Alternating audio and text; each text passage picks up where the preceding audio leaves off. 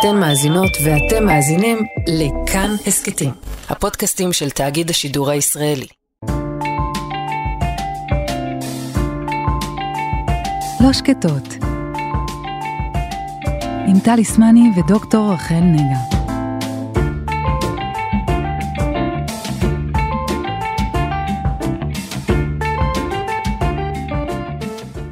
לפני, וואי, זה כבר ממש מזמן. כשהתחלתי ללמוד אה, פסיכולוגיה קלינית, זה היה ב-2010 נראה לי. נכון? מה זה מזמן? מלאת אלפים זמן. לא, לא צריך לציין שנים, מתי בדיוק. אני חושפת את תסביכי גיל שלי ככה. אז אה, כשהתחלתי ללמוד אה, פסיכולוגיה קלינית, את התואר השני שלי, הייתי מאוד מאוד עסוקה, האמת שהמראיינים שלי, וגם אני היינו עסוקים בזה שאין ממש, אה, לא היו כל כך פסיכולוגים אה, ממוצא אתיופי. והייתי מאוד סקרנית לגבי, כאילו, איך, איך, גם שאלו אותי על זה ברעיונות, על המפגש בין עולם הפסיכולוגיה לבין התרבות האתיופית, איך, איך זה הולך אחד עם השני. כי יש אזורים, כמו שאמרנו בפרק הראשון, שיש כל מיני התנגשויות. וחיפשתי ממי ללמוד. אז כמו תמיד, יש לנו את הספרות בארצות הברית, אבל חיפשתי אנשי מקצוע פה. ושמעתי על כמה דמויות שאני ממש ממש חייבת uh, לפגוש. ואחד מהם, uh, התמזל מזלנו שהסכים להגיע היום. והוא היה כל כך אדיב אליי, שהרמתי עליו טלפון, הוא לא הכיר אותי בכלל. ביקשתי ממנו אה, להיפגש, והוא פינה לי uh, זמן ביומן. נפגשנו, ואחרי ש... כמובן, את יודעת, איך- איך- מה השאלה הראשונה ששואלים אתיופים? ימן יש לי. בדיוק, הבת של מיית. אז אחרי שגילינו שאבא שלו ואבא שלי חברים, אה, ככה משכבר הימים, ואז נדבק בי השם, הוא גם זכר אותי כתינוקת, אז נדבק בי השם ילדה, הוא קורא לי ילדה עד היום, אה, שזה נחמד, בהתחשב בתסביכי הגיל שלי. אמרתי לו, הוצאתי מחברת ואמרתי לו, תספר לי כל מה שאתה יודע על אה, יוצאי אתיופיה ובריאות הנפש. והוא שיתף אותי באוצרות, ואיזה כיף שהוא הסכים להגיע אלינו אה, הבוקר אה, לשוחח. וואו, זה כיף, מדהים. ממש. אז יש לי כבוד גדול להציג את ממוי הזרם. אה, עו"ס, פסיכותרפיסט, וגם חבר. ברוך הבא. תודה, ברוך הוא. מה שלומך, ממוי? אני בסדר, זה כיף להיות איתכם. האמת שגם אני מכירה את ממויה, ולא רק את. אה, אני שמעתי את ממויה גם לפני אה, כמעט עשור, אה, מעביר הרצאה, כשאימא שלי ישבה בקהל, ליוויתי אותה. הרצאה להורים, אה, הרצאה מאלפת, ממש. אה, על שלבי ההתפתחות, אה, הפסיכולוגית בראייה התרבות האתיופית. באמת? אה, וככה, זו הייתה הרצאה שמכוונת לאימא שלי כאימא של אחי הצעיר, שהוא היה אז בן אה, 13-14. היה מאלף, מרתק. איזה כיף שאתה פה. וואי, תודה. ואיזה כיף שיש אנשים ותיקים בתחום ללמוד תודה מהם. לכם. וואו, שהזמנתם אותי. אז כמה שנים אתה עוסק בפסיכותרפיה? אה, בבית ספר לפסיקותרפיה עשיתי את זה ב-2000. או ב-2000, לא, יותר מאוחר. ב-2000 סיימתי תואר שני Mm, בעבודה סוציאלית. אז כבר הרבה שנים. כן. ואחר כך אה, למדתי בבית ספר לפסיקותרפיה. כעוס גם, אתה יודע, אני מעורב, הייתי מטפל באוכלוסייה. אני מאז שעליתי, אני מאוד אה, מושקע ומעורב בתהליך ההשתלבות של הקהילה שלנו. זה כבר מעל 30 שנה. 30, לא, 35 שנה, משהו כזה. וואו. תגיד, אז לפני שאנחנו צוללים על המעורבות, כי באמת עשית המון דברים לאורך השנים, למה בחרת עבודה סוציאלית? שאלה גם שאלתי את עצמי, אבל זה משהו, רצון פנימי. וזה, לא יודע, יש לי רצון עז לעזור לאנשים.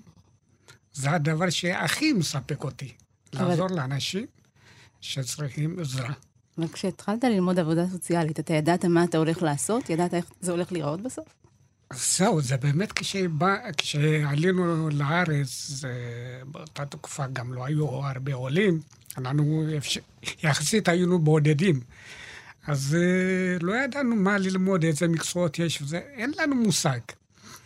אבל התחום הזה, הנושא הזה שאיך לעזור לאנשים, אפילו החלום שלי לא התגשם, רציתי להיות, לעבוד באו"ם, איפה שמלחמות, פליטים, לעזור. זה היה, זה עדיין, זה נשאר.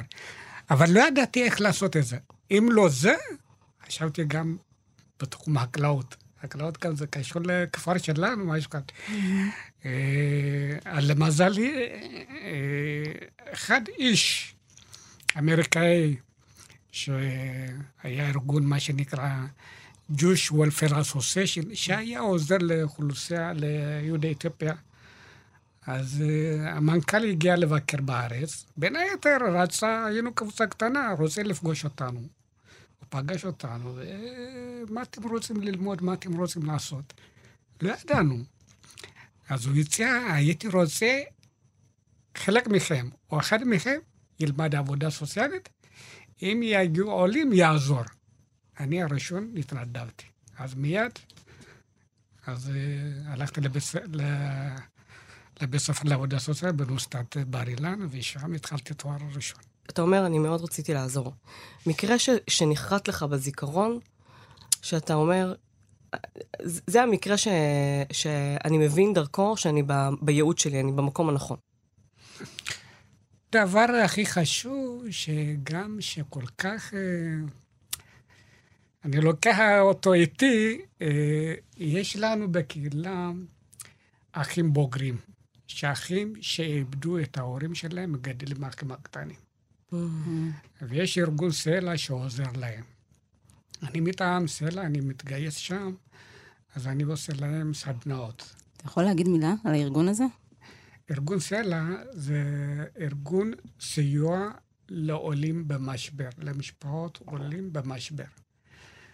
והארגון הזה מאוד מאוד אנשים, רוב האנשים זה מתנדבים, וכשקורה איזשהי אסון, איזשהו מקרה מאוד קשה במשפחה, זה חייל נפטר או מחלה אה, מאוד קשה, או בית נשרף, או משהו, איזשהו משבר, mm-hmm.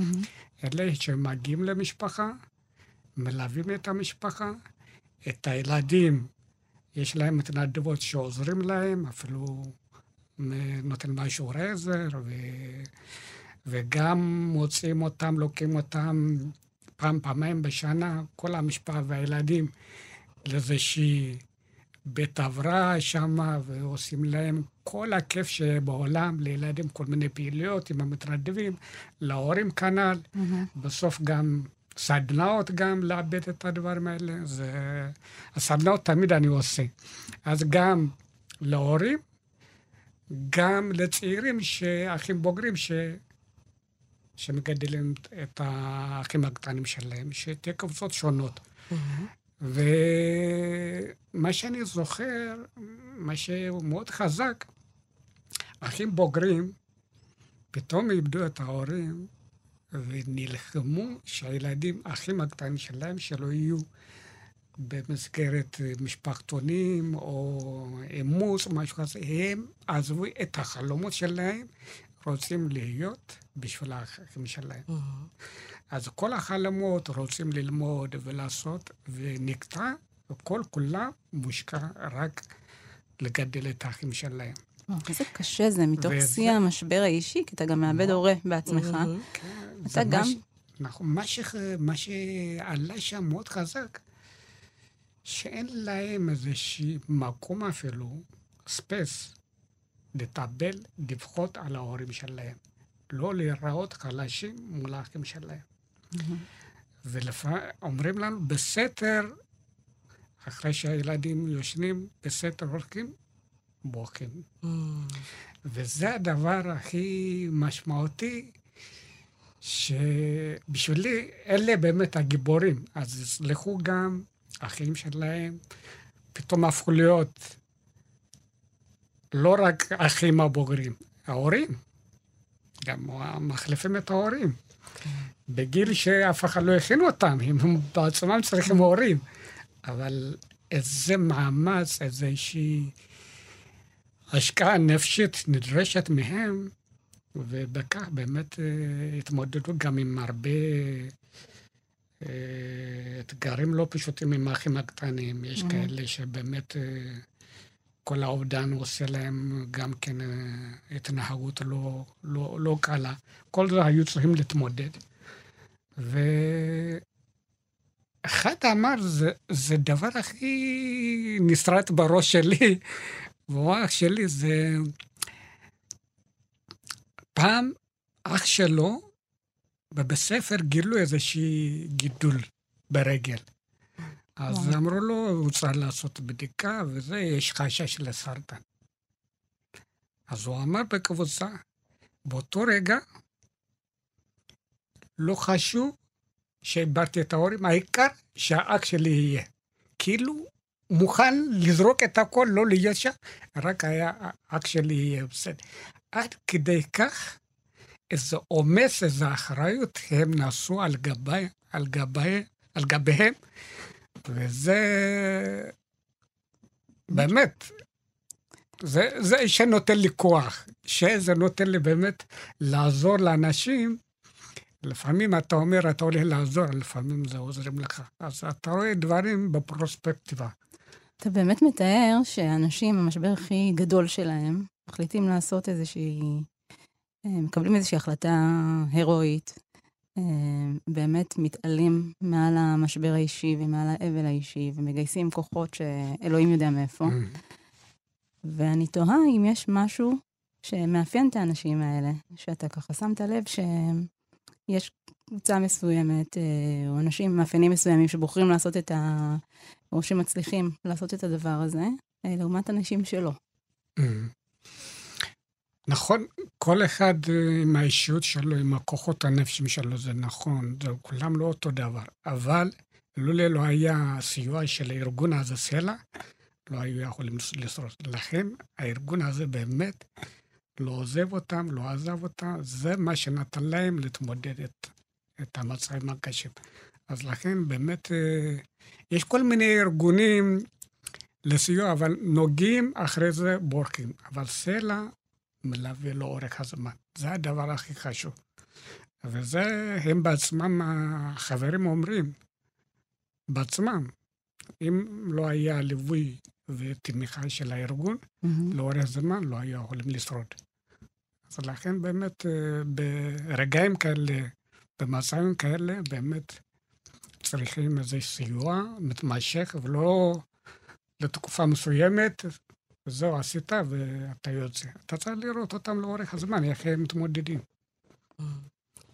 אתה ככה, לאורך השנים, אה, עושה המון קבוצות.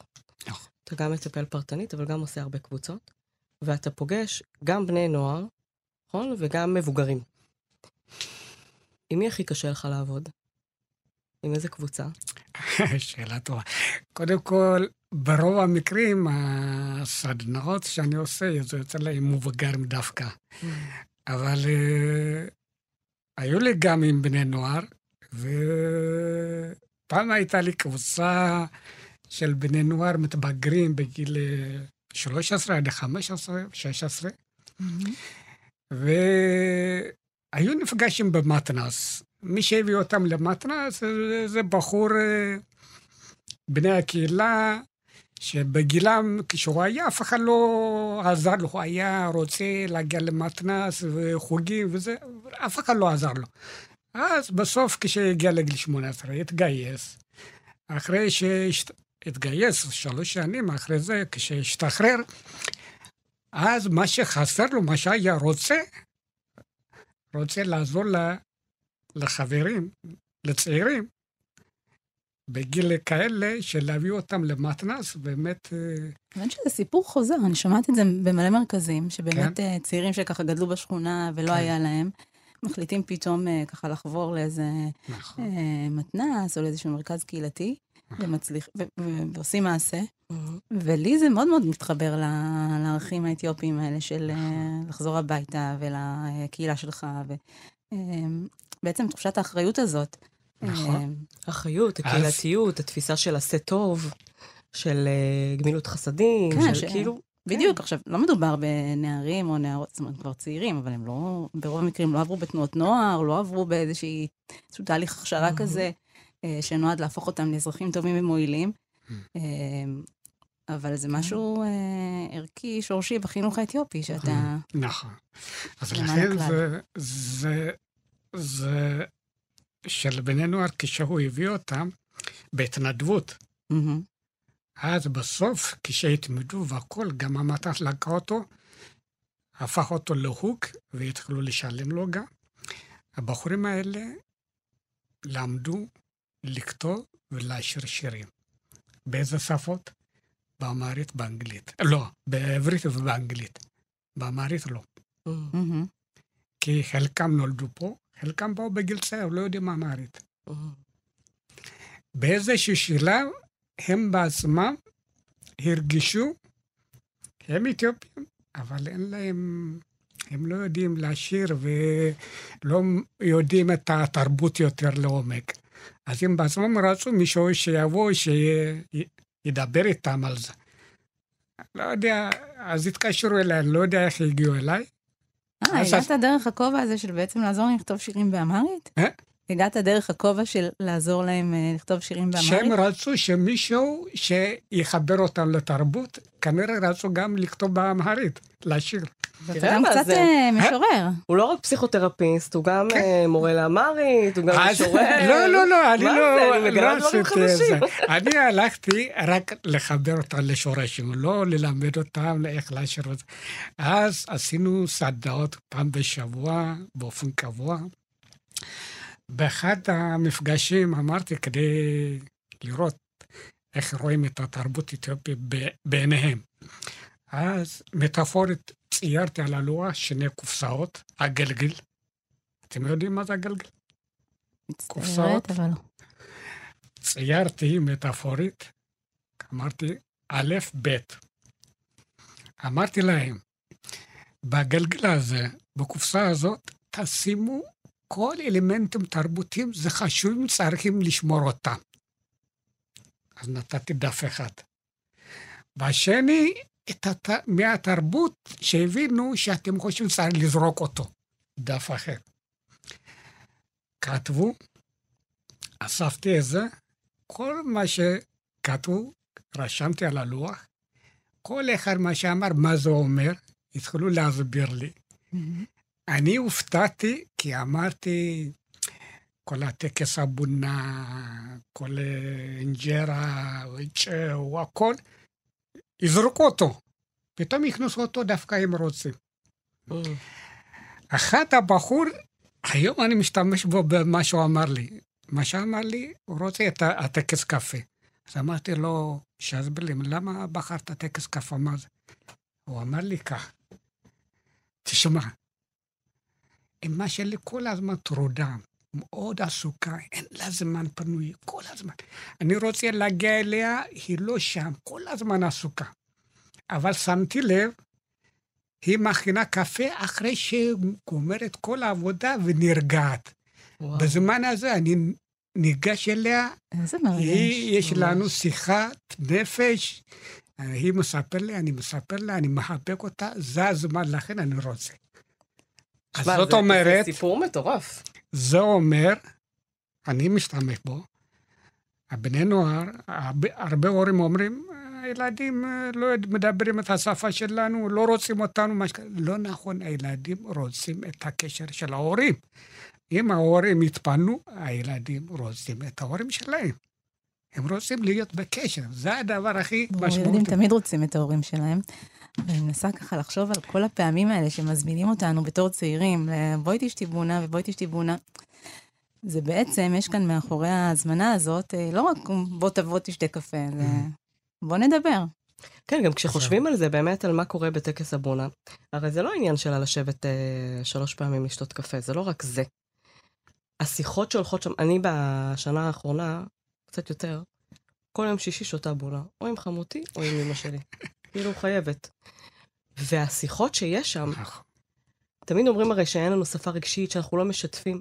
איזה שיתופים מדהימים יש אם אנחנו רק מקשיבים נכון. כשההורים שלנו מדברים. ו, והדבר הזה שילד צעיר משתוקק לחיבוק של אימא שלו, לפניות שלה, אבל- ותראה כמה דברים הוא מתאר, הוא מתאר גם את הפניות מבחינת הזמן, אבל הדבר הזה שהוא אומר היא רגועה. זאת אומרת, היא פנויה גם רגשית בשבילי. ואז יכולים לצאת ממנה דברים אחרים, יכול לצאת ממנה חיבוק, יכולה לצאת שם שיחה. זה... אני הולכת לגנוב את הסיפור הזה. אני הולכת להשתמש בו. הרבה פעמים כשאני שומע, שותה אה, קפה, כשאני שותה בונה עם אימא שלי, שהיא האדם הכי חשוב בחיים שלי, כמובן, אני שמה לב שגם אם אני נמצאת אצלה שעות, אני יכולה לשבת אצלה יום שלם. מגיע הבונה, פתאום מתחילה לספר על הבעיה הזאת ועל הבעיה הזאת, ואולי תעזרי לפתור את זה. אמרתי לה, אבל אימא, למה עכשיו בשבע בערב? אנחנו כל היום. אמרת לי, לא, לא, לא היינו פנויות. ועכשיו פתאום זה ככה מתחבר לי, הדבר הזה. שפתאום אפשר להוציא את כל הטפסים שצריך למלא, ואת כל הבעיות שצריך עכשיו לפתור, ופתאום ככה פותחים איזושהי שיחה ארוכה על איזשהו אה, סיפור שאנחנו מתמודדים, מתמודדות איתו בהמשכים. אה, בהחלט דבר שצריך למשמר. מדהים. טקס קפה זה במקור שם, זה כמו מקביל בו, זה מועדון חברתי, זה מה שהיה, זה כל ההחלטות, כל המפגש אינטימי בתוך השכנים, הכל זה סביב הבונה, זה באמת... אתה יודע אבל מה מעניין אותי? כי דיברנו על ככה, על... ביקשנו ממך להביא דוגמאות לכל מיני מקרים בתוך, בעבודה שלך כפסיכותרפיסט, ואז הבאת את הקבוצה הזאת של הנערים. שלכאורה אין פה פסיכותרפיה. זאת אומרת, יש כאן קבוצה של נערים שנמצאים באיזושהי פעילות חינוך בלתי פורמלית אחר צהריים. ואתה בחרת להביא את הסיפור הזה של התרבות. הם דיברו על אמהרית, ואתה מביא להם את הנושא הזה של התרבות, ו... ושואל אותם מה להשאיר ומה לקחת. איך אתה עושה את החיבור הזה? איך אני עושה את החיבור? זה... זאת אומרת, למה, למה זה קשור אחד לשני בעיניך? החיבור, קודם כל זה זהות. זה... הבני נוער דווקא שיודעים, שולטים בעברית, הם נמצאים בין שני עולמות. Mm. בצד אחד יש התרבות, הזהות האתיופית המקורית, יש הזהות הישראלית. והמבוגרים יש להם זהות מגובשת אתיופית, והם נמצאים במשבר בין, בין שני עולמות. Mm-hmm. אז לכן, אז uh, החיבור הזה, לתת להם להתחבר למה שהם לא... יש להם זכות, אבל לא מגובשת. אם נותנים להם גם להיות כאן, גם כאן, דווקא הם ירוויחו מ- מ- יותר מהכל. כי שני אפשרויות יש להם, גם זה, גם זה, זה חיבור הזה של שני זהויות, שני עולמות, זה מעשיר פנימי אפילו. וזה נותן להם איזושהי, אפילו איזושהי גאווה, איזושהי... אה, מקום שהם יכולים להתגאות בעצמם, דווקא יש להם הרבה ידע, הרבה עולם לא מצומצם. זה, זה... כרגע הרבה בני נוער באמת אה, נמצאים במשבר זהות, אז לכן צריך אה, לגבש להם, לעזור להם. אז ההתחברות הזו זה מאוד אה, נותן להם כוח. ממקום של כוח הם יכולים להתחרות עם כל מיני אתגרים. אבל אם הדבר הזה, הזכות הזה של האתיופיות, לא, לא מותנעת ולא אין לה מקום, אז הם תמיד ירגישו נחיתות. אז אה, מי שמנסה ללכת במקום של נחיתות, אז הוא לא יכול להגיע רחוק. אז לכן צריך לתת להם, אני תמיד אני אומר, אנחנו צריכים ללכת, צריך שני רגליים. אנחנו, העולים החדשים, mm-hmm. כדי להשתלב לערוץ, צריך שני רגליים, שני תרבויות מגובשות. הזכות האתיופית, הזכות הישראלית, ושני רגליים. אם אחד חלש, זה נכה. אז צריך לחבר את זה, לחזק שני רגליים. אני חושבת על uh, עוד משהו שאתה עשית עם הקבוצה הזאת, שהוא מתחבר בעיניי uh, גם לפסיכותרפיה. אחד הדברים שאנחנו עושים בטיפול הרבה פעמים, קודם כל אנחנו מבררים מה נרשם בעולם הפנימי של המטופל. Uh, ושאלת אותם, מה מבחינתכם בקופסה הזאת ומה בקופסה הזאת, והם יצקו לתוך הדבר הזה תוכן. והדבר השני שעשית זה ששאלת, יש המון הנחות שאנחנו מניחים בחיים, אנחנו לא מבררים על עצמנו בכלל איפה, איפה הדבר הזה, מתי הוא נרשם, איך הוא נוגע בנו, באיזה אופן. שאלת שאלות, ואחרי זה המשגת עבורם. וכשאנחנו ממשיגים עבור עצמנו כל מיני דברים, אנחנו מסתובבים עם איזו ידיעה קצת יותר טובה על מה עובר עלינו אה, בחיים שלנו, אז אפשר להגיע רגע לרבדים קצת יותר עמוקים, כמו באמת הסיפור הנהדר הזה על, ה, על הנער הזה. Mm. אז אני חושבת שמה שאתה עושה עבור uh, הקבוצות האלה הוא נורא נורא חשוב. ואפרופו המשגות, אני רוצה uh, לשאול אותך uh, דווקא על, על המבוגרים. אפשר רגע, שנייה לפני זה, זה ככה הזכיר לי עוד, uh, עוד איזשהו uh, עניין, uh, הסיפור הזה של להתעסק בזהות. בגיל ההתבגרות, במקומות שבהם יש איזשהו אולי פוטנציאל אה, למשבר או לאיזשהו שבר. Mm. ואני נזכרת ש, שככה קראתי על אה, מחקרים ש, שהתבצעו בארצות הברית, על בעצם מניעת אובדנות בקרב אה, אוכלוסיות של מיעוטים, ו... ואחת מתוכניות ההתערבות הכי הצלחות הייתה תוכנית שבכלל עסקה בזהות, לא. עסקה בפסיכותרפיה. זאת אומרת, הכוונה היא לא בפסיכותרפיה הקלאסית, קבוצתית, כמו שאנחנו מתכוונים, אלא פשוט קבוצה שכל עניינה היה לעסוק בענייני זהות, בענייני היסטוריה, תרבות, ובעצם מהמקום הזה הצליחו להוריד אה, שיעורי אובדנות בצורה הכי אה, משמעותית והכי גדולה בהשוואה לכל מיני תוכניות התערבות אחרות, כמו שומרי סף שיש, וכמו אה, איתור וסקרים ככה נורא מכוונים ונקודתיים לאתר אנשים ספציפיים. ולדעתי זה מספר את הסיפור. והדבר השני שככה עלה לי באסוציאציה זה השיח שיש על הדור שלנו, הוא הדור שהוא קצת גם מתחתנו, בעצם הדור השני בארץ, שככה בכל הפרמטרים, כל פעם שעושים ככה אה, דיונים בכנסת ובכל מיני מקומות כאלה חשובים, אז uh, מדברים על זה שהדור השני של יוצאי אתיופיה הרבה יותר מתקשה מהדור הראשון ומדור מדור וחצי, מאלה שמגיעים מאוחר יותר לארץ. ובאמת, זה נראה לי מספר את התלישות הזאת שדיברת עליה.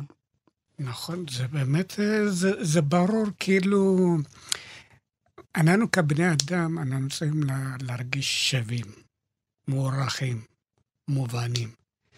וזה, אתה יכול להיות מוערך ומובן, שווה, כשהזכות שלך, יש לה מקום. אם מפחיתים את התרבות שלך, את מי שאתה, מה שהבאת, זה כאילו מראש אתה רואה, אני לא שווה, אולי שלי, מה שיש לי, משהו לא בסדר, אתה לא מעריך את זה. כשאתה לא מעריך בעצמך, אז כאילו הדימוי העצמי שלך נפגע. אז כל הפוטנציאל שלך להתפתח ולהתקדם, אז נפגעת. אז אתה הולך כאילו לדברים שליליים, אז אלכוהול, אלכוהול, לסמים שבאים כאילו... בסוף אתה מתרדר, זה האובדנות, זה קשור לזה. אז ברגע שאתה רואה את עצמך נחות ולא שווה, אז אין טעם לחיים, זה, זה מה שמגיע בסופו של דבר. אני מתארת לעצמי שאנשים ככה מאזינים לנו ואומרים, רגע, אבל איפה ההורים פה בכל הסיפור? זה בעיה של ההורים, בואו ת... בואו תספרו לילדים איפה הם הגיעו, ומה התרבות שלהם, ובואו תעשו את העבודה הזאת. אה, אבל רגע, ניזכר שאנחנו מדברים על, אה, אם אנחנו מסתכלים ככה על העלייה הראשונה הגדולה, סביב מבצע אה, משה, עלייה של צעירים, שרק מתחילים את הצעדים הראשונים שלהם בעולם. נכון, בני 15, 20, פתאום משפחות, פתאום הורים, אחרי מסע מאוד מאוד קשה. גם מה הפניות של הורים, ככה לבוא ולשתף ולספר. לא רק זה, גם הרבה מהם הגיעו, אה, הרבה מהם הגיעו אה, פוסט-טראומטיים. נכון. צריך להגיד. נכון. חוו אה, חוויות מאוד מאוד קשות במהלך החודשים של ה... חודשים, חלק זה גם שנים, של תהליך העלייה. וכשאתה פוסט-טראומטי, המשאבים שלך, הנפשיים שלך או שלך, מאוד מאוד מצומצמים. ופתאום לגדל ילדים, שחלקם זה גם לגדל ילדים בצל אובדן של ילדים אחרים בדרך. נכון. או של אימא, או של אבא, או של אח, או אחות. או בני לא, זוג, או הורים. בני זוג, או כן. קשה. זה, את נוגעת בנקודה מאוד מאוד כואבת. באמת אה, להבדיל מהעליות האחרות, העלייה שלנו היא מאוד אה, טראומטית. רוב האוכלוסייה שלנו זה, אם אנחנו מדברים על המסע, על אובדן, חשיפה לכל מיני אירועים טראומטיים, mm-hmm. מעבר למוות, לאובדן, באים, וגם תהליך ההשתלבות, תהליך העלייה, בפני עצמו זה גם אתגרים מאוד מאוד מורכבים, לא פשוטים. אז השילוב הזה, זה, זה כמו שאתה אמרת, לאנשים אין להם פניות לילדים שלהם, וגם השפה הבסיסית כדי להסתדר ולדבר על עצמך, לבטא מה שאתה מרגיש, אפילו זה אין לך. אז לכן קרה מצב אבסורדי שהילדים הפכו להיות שהמתרגמים של ההורים שלהם, ש... מהמם. שעוזרים להורים שלהם. אז הילדים, במקום שיהיו להם הורים, אז דווקא הפוך, הם צריכים לעזור להורים. זה אתה מדבר על הילדים שעלו צעירים, זאת אומרת, כן, ילדים שעלו כן, כן. ילדים. בדיוק. ו- אז- ויש כאן את הנדבך הנוסף של ילדים שנולדו בארץ, להורים הצעירים האלה, בעצם. כן, להורים שלא יודעים את השפה, בעצם זה... הילדים מהר יודעים את השפה, הם צריכים לעזור להם. אז באיזשהו מקום, כאילו, הילד כמו תפקיד של הורה, או הורה שתפקיד של ילד. כן. היפוך תפקידים, כן, משהו כזה. תפקידים. ולגבי הטראומה, גם כן, באמת, אה, תארו לעצמכם, ההורה שעבר טראומה, הטראומה זה, אין לו זמן, הוא נשאר. מה שקרה לפני 40 שנה יכול להיות חי עד ה... אז לכן יש טראומה בין-דורית גם, זה עובר לילדים. כשההורה שעבר את טראומה ב- חי בצל של אבל והכל, זה מקרין בבית, הילדים סופגים את זה, זה משפיע עליהם. אז יש טראומה בין-דורית, זה הורה לזה. כל זה, זה לא... האוכלוסייה לא קיבלה מקום לנושא הזה, ולא קיבלו טיפול. אז לכן ההתמודדות עם כל זה, זה לא, לא פשוט גם לדור הצעיר, לא רק להורים בעצמם ש, שנחשפו לכל מיני אירועים קשים. אז אפרופו מה שאתה אומר עכשיו, אנחנו לא יכולות לנהל איתך שיחה מבלי לשאול את השאלה הבאה. כי אני חושבת על מי שמאזין לנו, וזה לא הדור המבוגר כנראה, נכון? כאילו, זה בעיקר הצעירים. ואני זוכרת שלימדת אותי את זה בא- באותה פגישה שבאתי אליך אז לפני טריליון שנה. איך מבוגרים שלנו מבטאים מצוקות רגשיות? איך אנחנו נדע שאימא שלי או סבתא שלי חווה מצוקה נפשית? מה, מה, מה, אני, מה אני אמורה לחפש שם? תראו, קודם כל, המושג של אה, פסיכולוגיה בכפר לא יודעים. נושא של אה, בעיות נפשיות באתיופיה, כשאדם הוא מה שנקרא עבד, כשהוא משוגע, פסקוטי. מעבר לזה, זה כאילו לא, זה לא בעיה נפשית. פה יש קטגוריה, יש לך מצבים נוירוטיים, הפרעות אישיות, מצבים פסקוטיים, וגם נעשה מחקר מדע, יודעים את הנפש. אצלנו הכל, התפיסה של הבריאות היא מאוד הוליסטית, מאוד אה, כוללת הגוף, הנפש, ומשפחה, קהילה, כוחות קוסמולוגיים, כל הכל ביחד. אם יש איזושהי מצוקות נפשיות, לא מחלות נפשיות, מהמם. מחלות נפשיות זה פסקוטיות יותר. אם מצוקות נפשיות, זה באות בביטויים סומטיים, בגוף. שמה אה? זה אומר? איך זה נראה? אז בגוף, ל- בעיקר שלושה חלקים בגוף הם עיקר שדרכם מבטאים את המצוקות נפשיות. רעשה, לבה, הודה. כאילו הראש, הלב, בטן, זה המרכזים. אה, איברים שדרכם שמבטאים את המצוקות נפשיות. אם אדם, איך אני מאבחן אם זה גופני באמת, אם זה משהו מצוקה. אם אדם בא, יש לי בעיה פה, בגוף מסוים, מצביע לי, יש לי איזושהי בעיה, בחלק הגוף שלו, זה משהו אובייקטיבי, זה גופני. אבל אם הוא אומר, כואב לי הראש, הלב, הכל, הכל, זה משהו דיפוזי, משהו לא ברור, אז כנראה מעבר לזה יש סיבות נפשיות, זאת מצוקות אומרת נפשיות.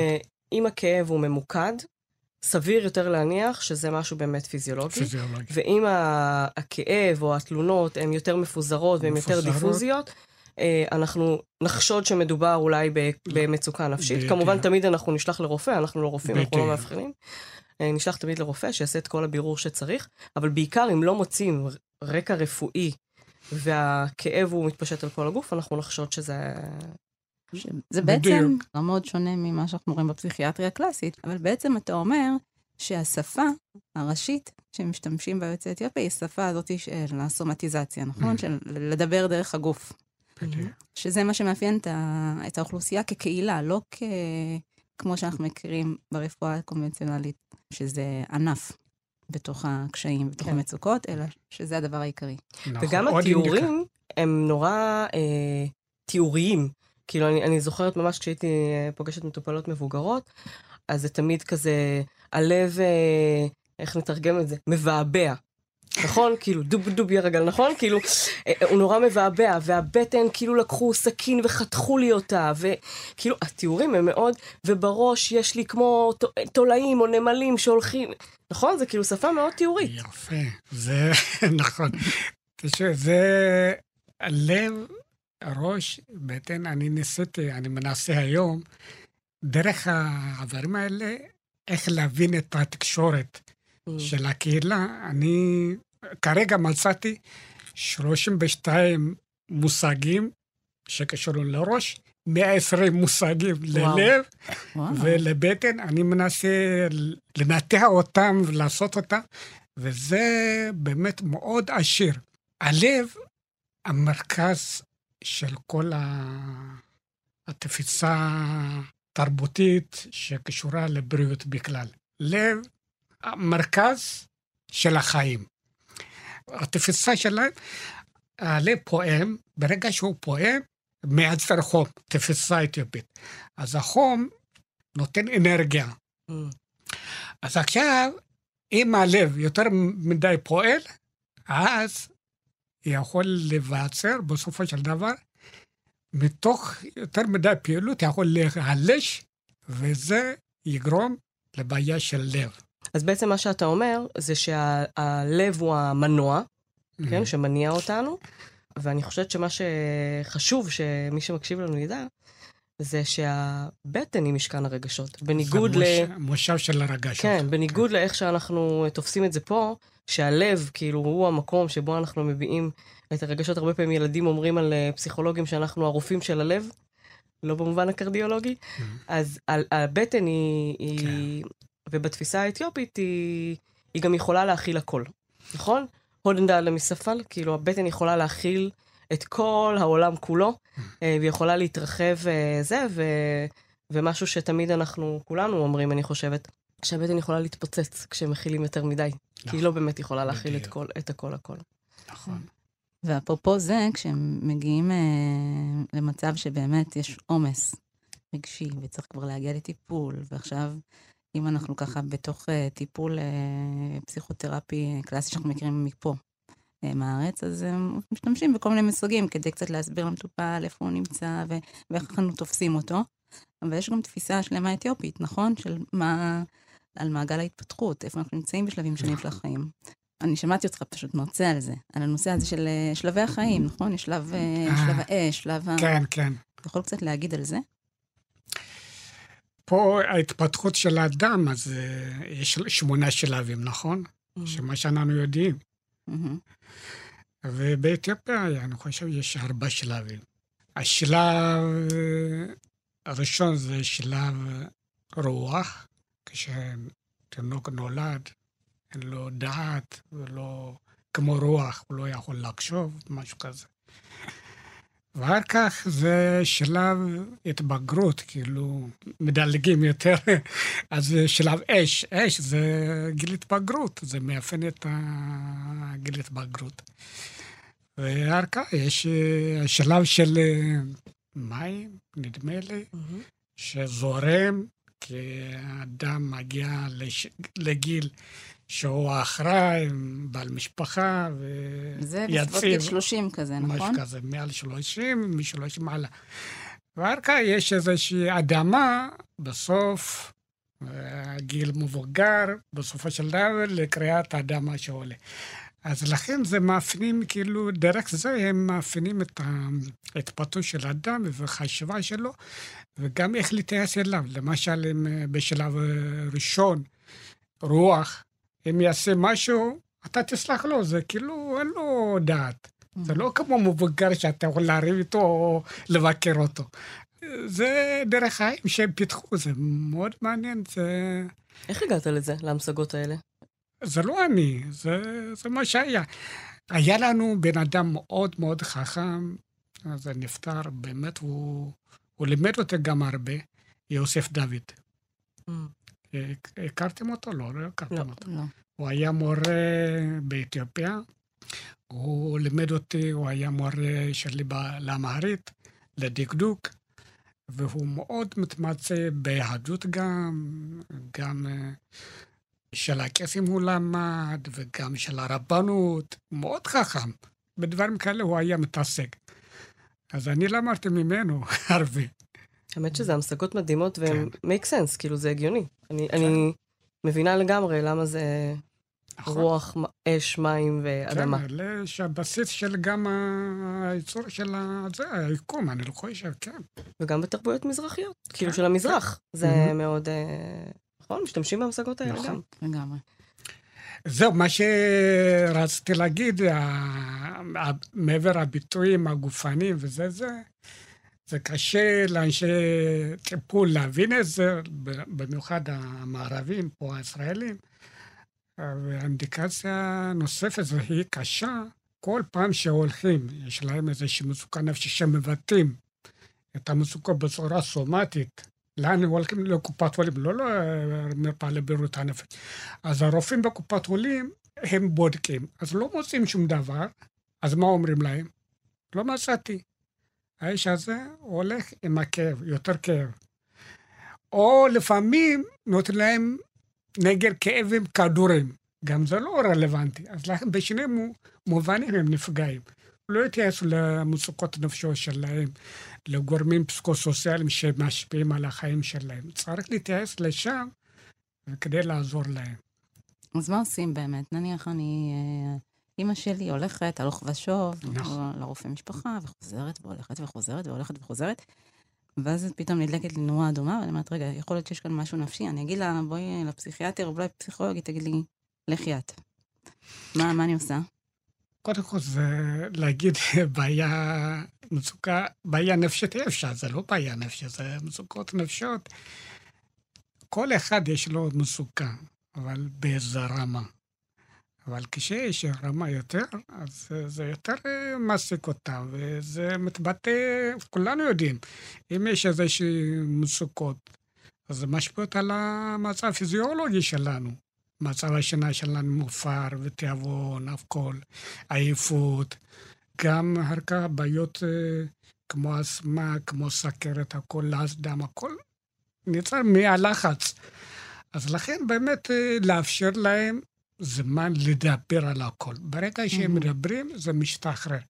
לצערנו, בקופת חולים גם לא רק אין להם שפה, כדי להסביר את זה, היו צריכים יותר זמן. אבל בקופת חולים לא מקדישים להם זמן, ולא זוכים למה שהם מרגישים. Mm. אז לכן, כאילו, צ'ק צ'ק במחשב, אפילו הרופא לא מסתכל בעיניים, הכל, זה לא עוזר.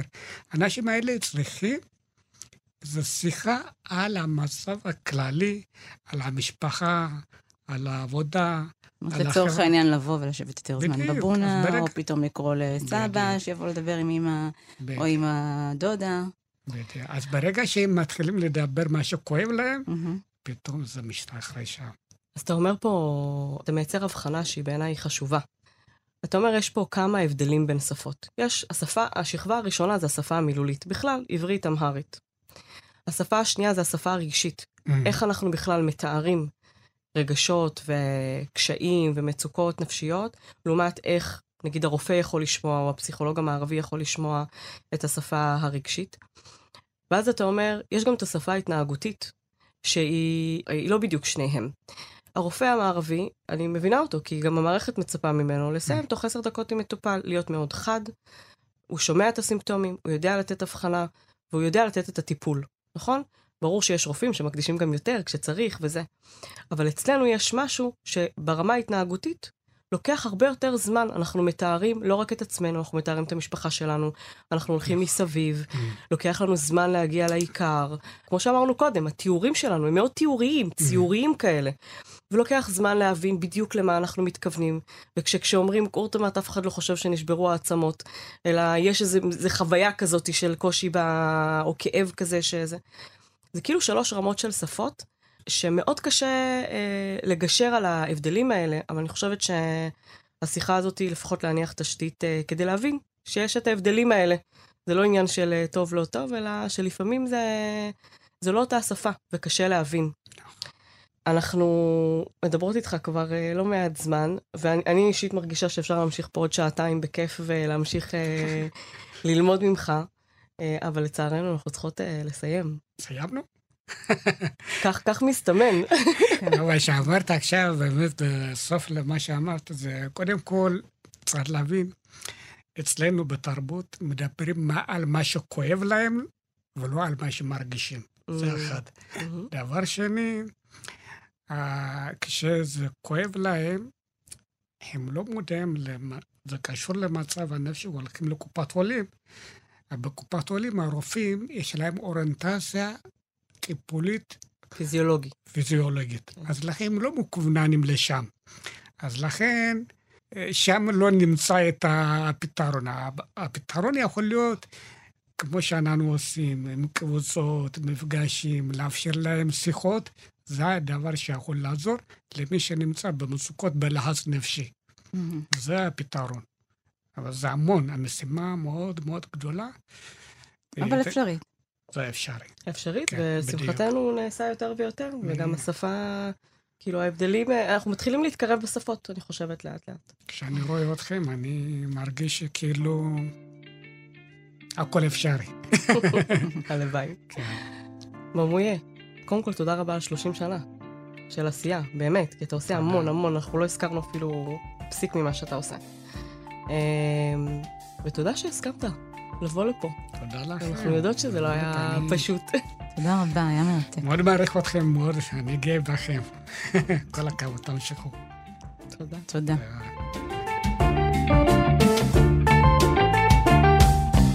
חפשו את מתחם כאן מרגישים באתר כאן, עם הסכתים ותכנים נוספים שיגרמו לכולנו להרגיש יותר טוב.